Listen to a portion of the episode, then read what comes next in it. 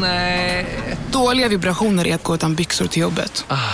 Bra vibrationer är när du inser att mobilen är i bröstfickan. Alla abonnemang för 20 kronor i månaden i fyra månader. Vimla! Mobiloperatören med bra vibrationer. Bara på Storytel. En natt i maj 1973 blir en kvinna brutalt mördad på en mörk gångväg. Lyssna på första delen i min nya ljudserie. Hennes sista steg av mig, Denise Rubberg. Inspirerad av verkliga händelser. Bara på Storytel. Demideck presenterar Fasadcharader. Dörrklockan. Du ska gå in där. Polis? Effektar? Nej, tennis tror jag. Pingvin. Alltså jag fattar inte att ni inte ser. Va? Nymålat. Men det var många år sedan vi målade. Demideckare målar gärna, men inte så ofta. Den här gatan är lite speciell, alltså den är så liten. Det är Högsbos minsta gata, det är bara 2468 på numren här, portarna. Så man vet ju vilka som bor och man pratar ju med de flesta lite grann. Och... Det är mars i den lilla stadsdelen Högsbo i Göteborgs utkant. På Sikelgatan har de boende chockats av Eddie Svenssons plötsliga död. Han var ett bekant ansikte i området. Framför allt när man var nere på ICA. Så där kom det fram många människor. Och sen var det någon dam som kom fram, vet jag, för hon hörde väl att vi pratade. Så sa hon att de hade brukat träffats och pratats mycket i affären då. Ja, jag vet mycket väl vem han är för vi brukar prata här. Och, ja, och sen var det ju löpsedlarna som kom och som man såg. Och, så han var omtyckt, liksom. Han var ju lätt att ha att göra med och rolig och satte sina avtryck överallt. Och på ICA också då.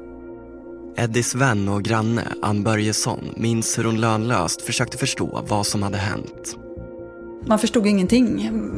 Varför han hade blivit mördad och vem som hade gjort och om det var någon som han kände eller någon i hans, någon som kände, alltså något sånt eller om det var någon utstående. Vi förstod ingenting hur han överhuvudtaget har kunnat bli mördad som var så snäll och omtyckt. Det var så overkligt.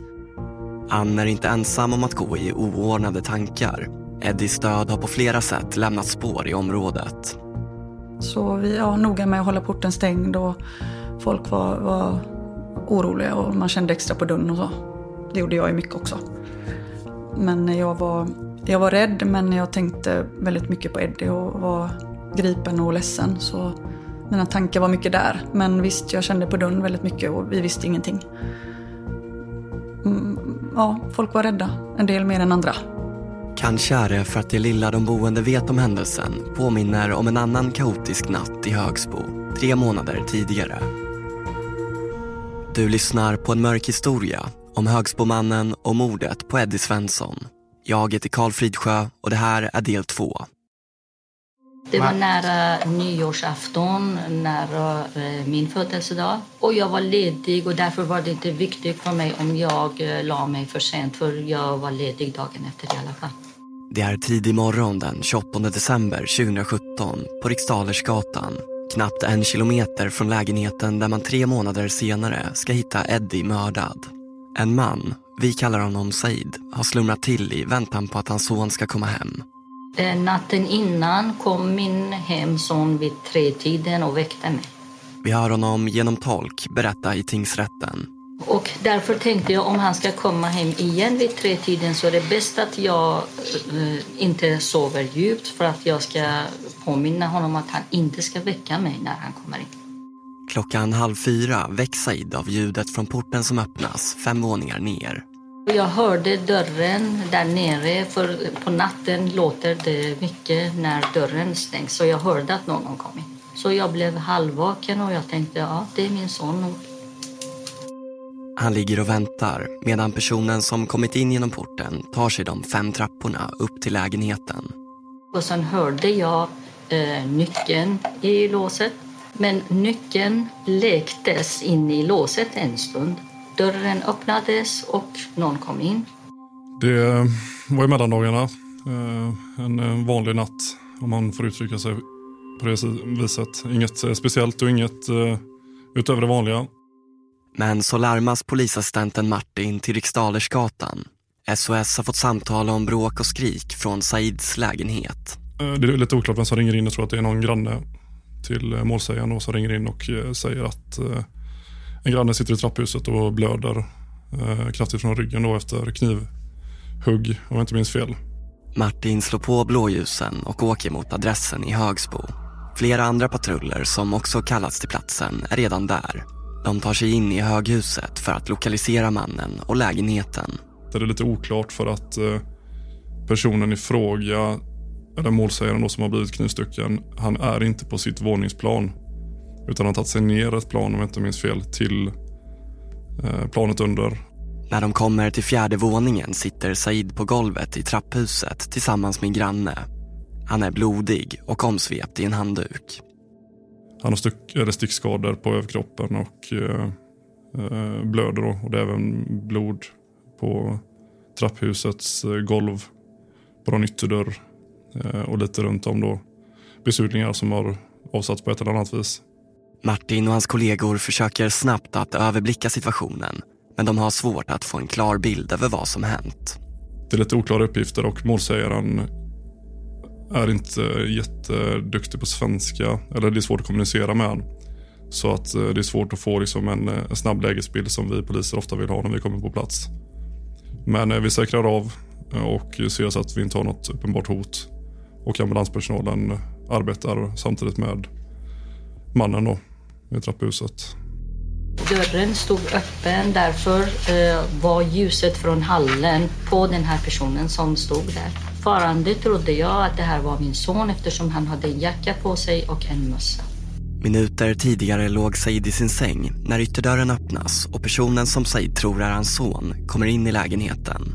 Said ser hur mannen börjar rota bland jackorna i hallen och förstår att det inte är sonen som kommit hem.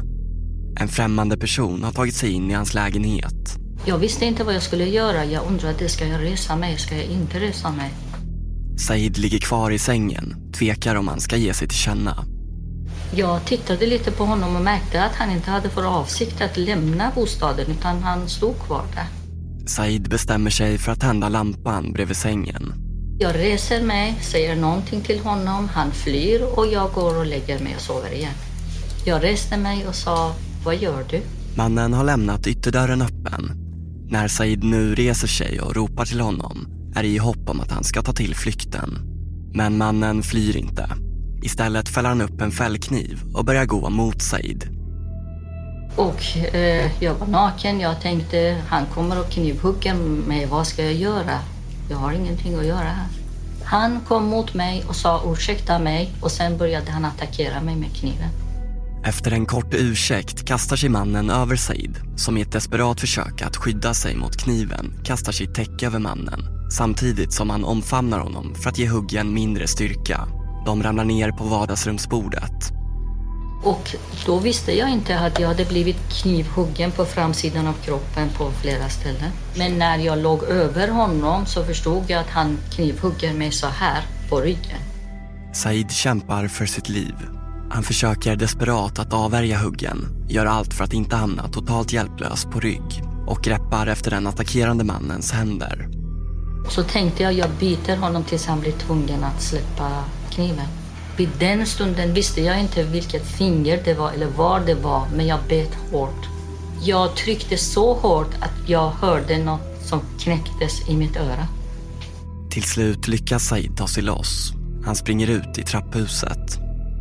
Jag ville skrika och säga hjälp, men jag märkte att ljudet kom inte ut från min mun utan från det här hålet som var under hjärtat. Och så tittade jag och såg att det blödde från alla hål på framsidan kroppen. Och då blev jag jätterädd. Jag tänkte, nu dör jag här. Svårt skadad, han har träffats av minst tio knivhugg, stapplar han fram till grannlägenheten.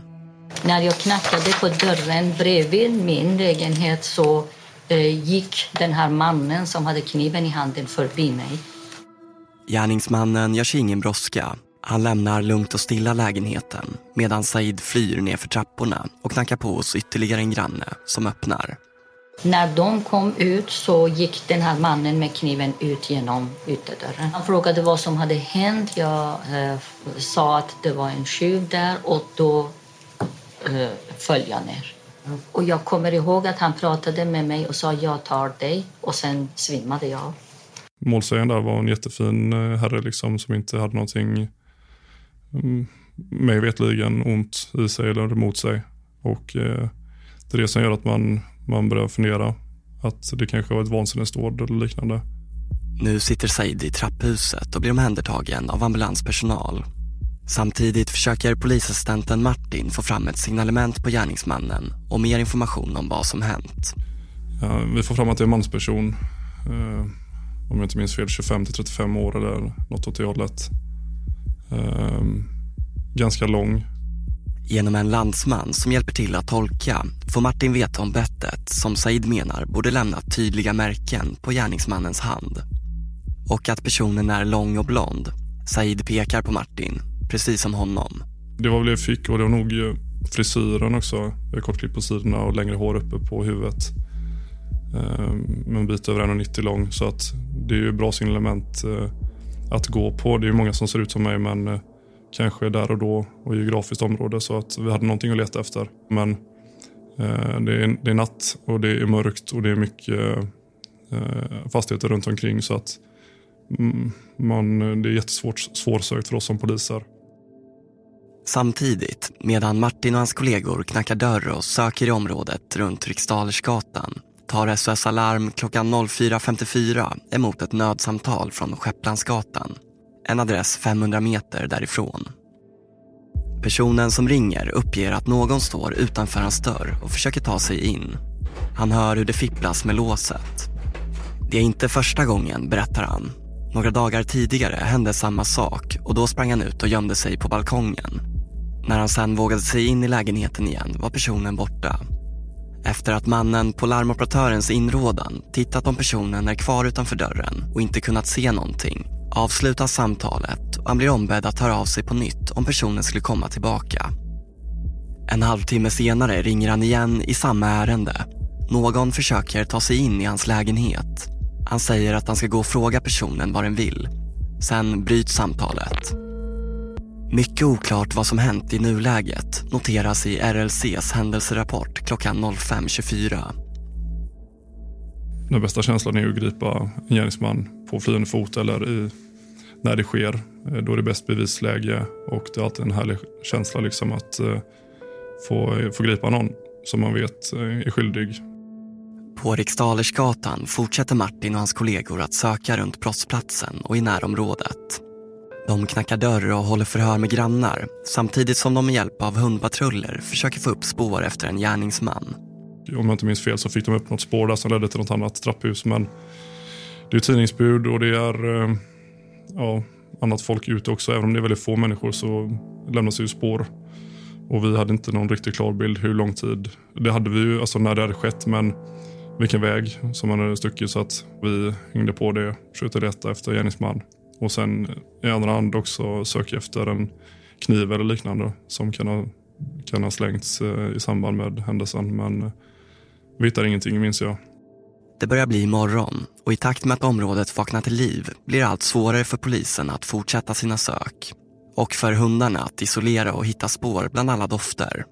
När det gått en viss tid, begränsad tid och eh, i ett stort område med mycket flerfamiljshus, eh, bostäder och sånt. Eh, morgontrafiken drar igång, folk börjar eh, röra sig eh, ute och då är det lönlöst att fortsätta söka med hund och till fots för att då blir det mer och mer folk. En ny dag startar. Och då får man inse sig liksom, att det inte kommer funka och leta mer. Martin och hans kollega håller avspärrningarna runt bostadshuset tills de blir avlösta av en annan patrull. Därefter åker de till stationen för att avrapportera nattens händelser. Och när vi sitter och skriver, det blir en del att skriva, det är ju, det är ju avspärrningar, eh, anmälan, eh, förhör, eh, det är bilder som ska in som är tagit på brottsplatsen. Och då hör jag på, i örat, då, för man sitter ju inpluggad i radion, och då hör jag hur ett jobb går ut i samma område, bara ett par hundra meter om jag inte minns fel, från första adressen där vi var på. Där det är en man som går runt i trapphus och rycker i dörrar och tränger sig in i lägenheter. Larmet som Martin hör gå ut på radion gäller Skepplandsgatan. Samma adress där mannen som tidigare under kvällen ringde om inbrottsförsöket bor. Situationen har eskalerat. Fler personer har ringt och larmat om en man som går och rycker i dörrar. Jag har någonting om någon kniv Och eh, det låter kaotiskt och jag, jag minns att jag tänker att eh, där har vi han. Det är liksom begränsat i geografiskt eh, område. Det är begränsat i tid och jag tror inte på slumpen.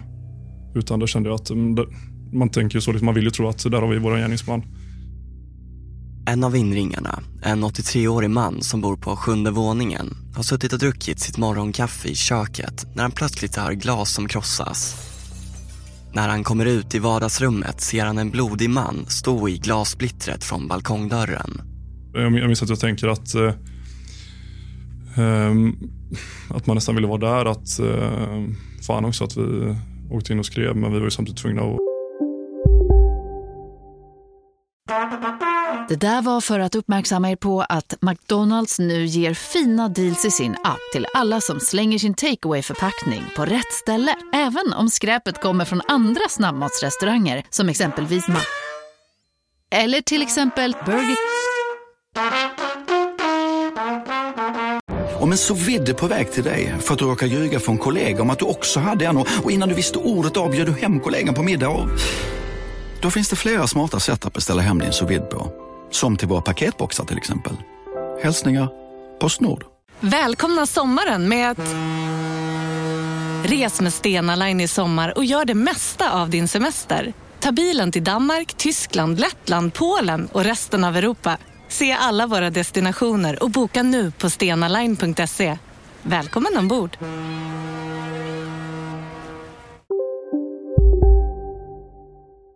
och få den första händelsen avrapporterad så fort som möjligt så att eh, allt kan fortgå i den utredningen.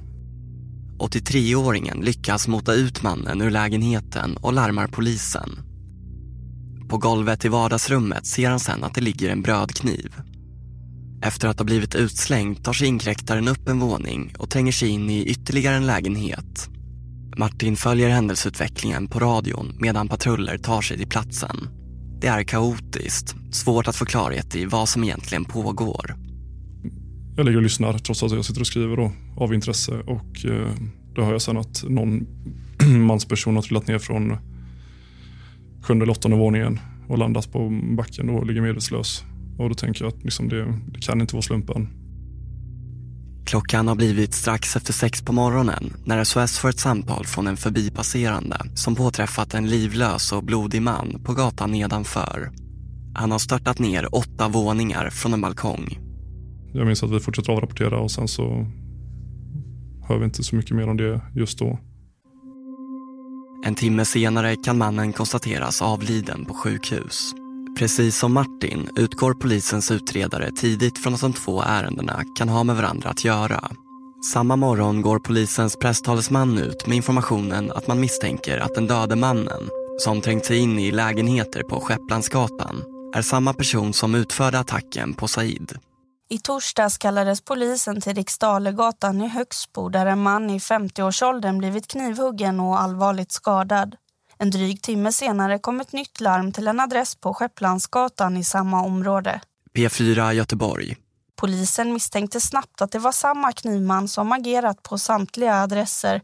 Men nu, några dagar senare, tror polisen istället att det rör sig om två olika gärningsmän. När det här hände så sa de att den här personen som attackerat dig har ramlat ner från en balkong och dött samma kväll.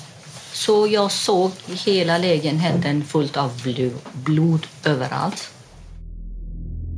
Det ska dröja flera dagar innan polisen förstår att de båda händelserna trots allt inte har med varandra att göra. Det var ett osannolikt sammanträffande. Ett uppenbart stickspår som tingsrätten senare uttrycker det i domen mot Saids verkliga förövare.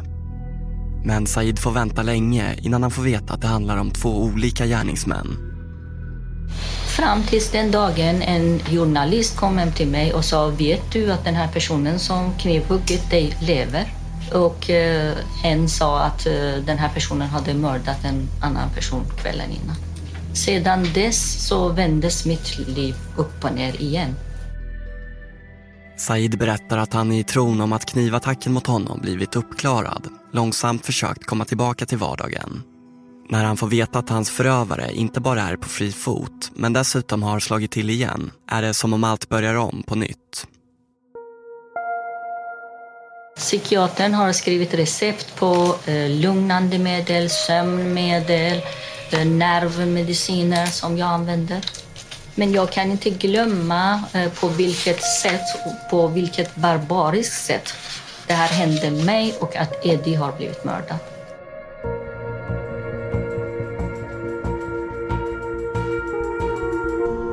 Polisen i Göteborg söker efter en misstänkt mördare som man tror varit aktiv i stadsdelen Högsbo.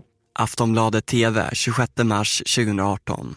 Den här mannen misstänks för ett mord den 7 mars och ett mordförsök den 28 december. Och I fredags gick polisen ut och eftersökte tips från allmänheten om det här fallet. För oss var det också detta väldigt konstigt att någon skulle kunna ta sig in i lägenheter som är låsta. Så att, eh, eh, för det, det, det, det är inte så det ska vara liksom med nycklarna då. Två knivattacker i samma område på mindre än tre månader. Boende i Högsbo är rädda. Till fastighetsbolaget Familjebostäder där Katrin Amgart jobbar som kommunikationschef hör oroliga hyresgäster av sig med frågor och en känsla av otrygghet. Eh, inte minst såklart den här liksom mardrömskänslan med att någon tar sig in i sin bostad på natten. Eh, och dessutom hade ju då den personen som överlevde attentatet, eller det här överfallet, eh, eh var ju ganska säker på att han hade låst.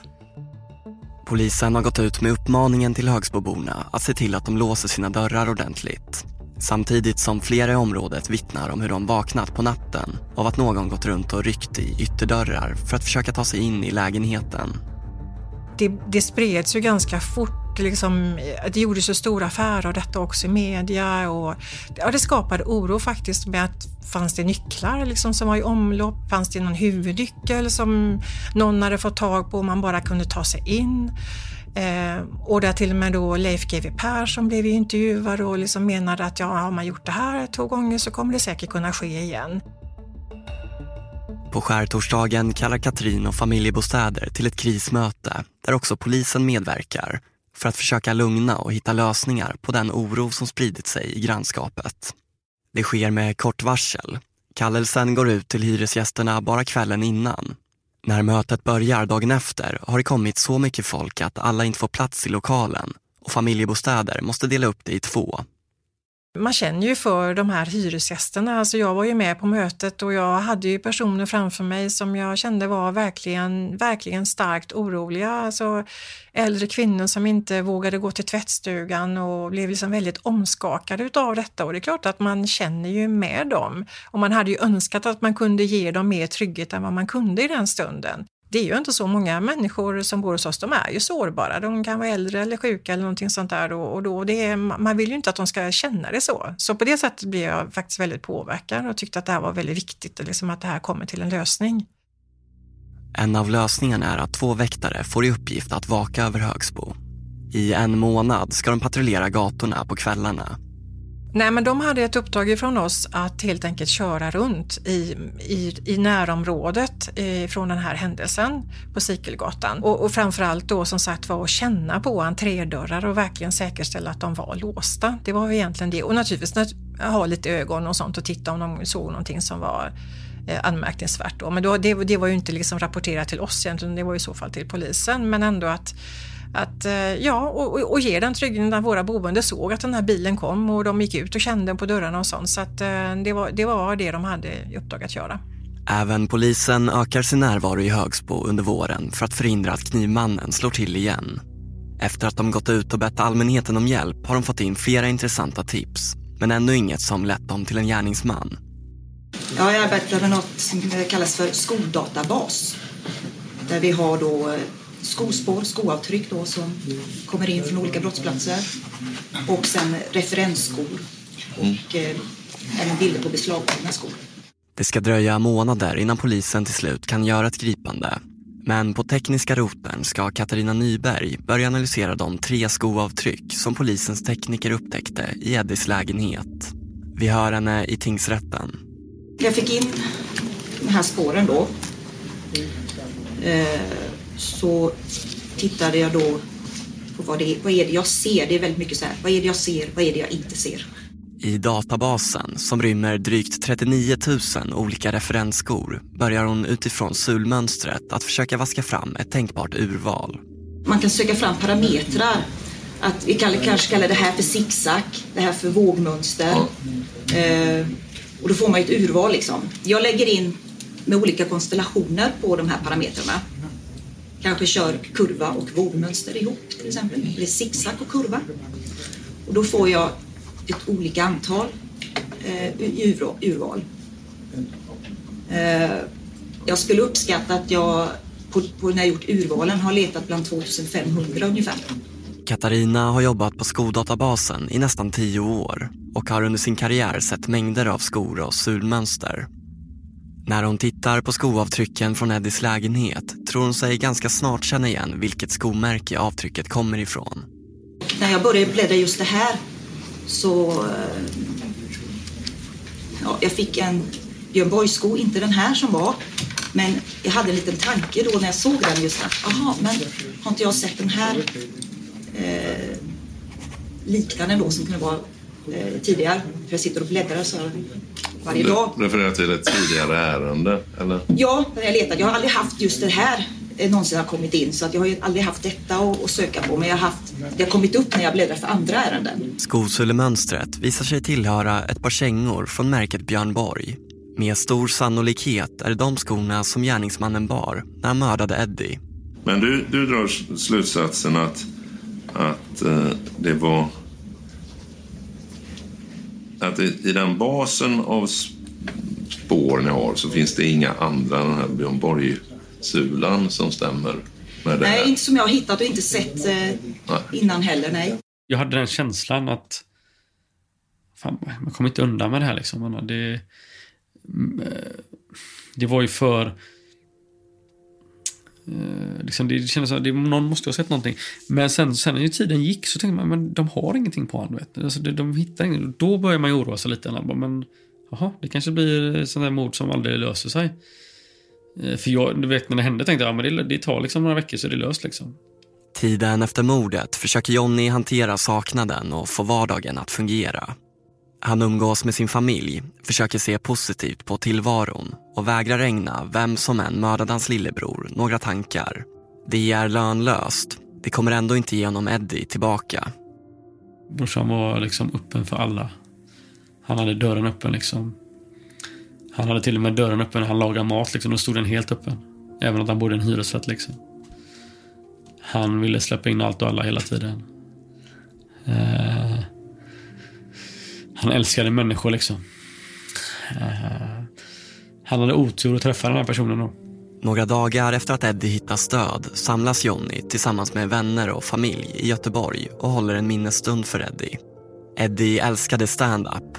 I stort sett varje vecka gick han på en show och där på minnesstunden får Jonny veta att Eddie köpt biljett till en ståuppkomiker han längtat efter att få se. Och han hade sagt bara, oh shit hon kommer live liksom. Bara, jag vill ha se henne live jättelänge. Och det var den här torsdagen och han hade bokat biljetter och allting. Så, så efter den här träffen med 70 pers så tog vi en 10-15 pers. Eh, och gick på den här standup-showen. Och, och, och han var ju, Eddie var ju känd där liksom. Alltså du vet, han är ju inte anonym direkt.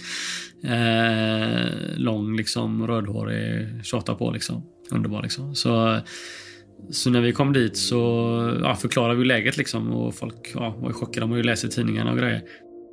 Efter showen ger de sig ut i natten för att försöka hedra minnet av Eddie. De går till alla hans stammishak runt om i Göteborg och språkcaféet dit han gick varje vecka för att träffa nya människor och öva sig i spanska. Så att eh, eh, det blev en jättefin kväll där.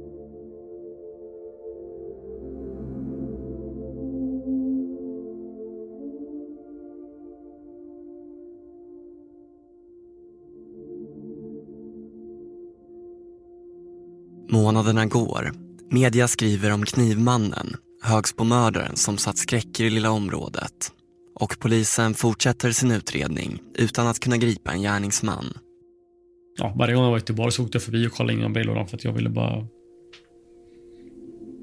Någonstans ville man ändå in liksom. Så var det, det var det enda jag kunde göra, det var att titta in i liksom. Och då vet jag att det kändes fan, jag ville bara öppna dörren liksom. Men det var tufft att gå i området vet jag innan de tog gärningsmannen för vart man än gick så, eh, så såg man någon liksom konstig person och tänkte man det kan ha varit han. Liksom. om det blev han. Vet. Sådär. Så det var en konstig känsla.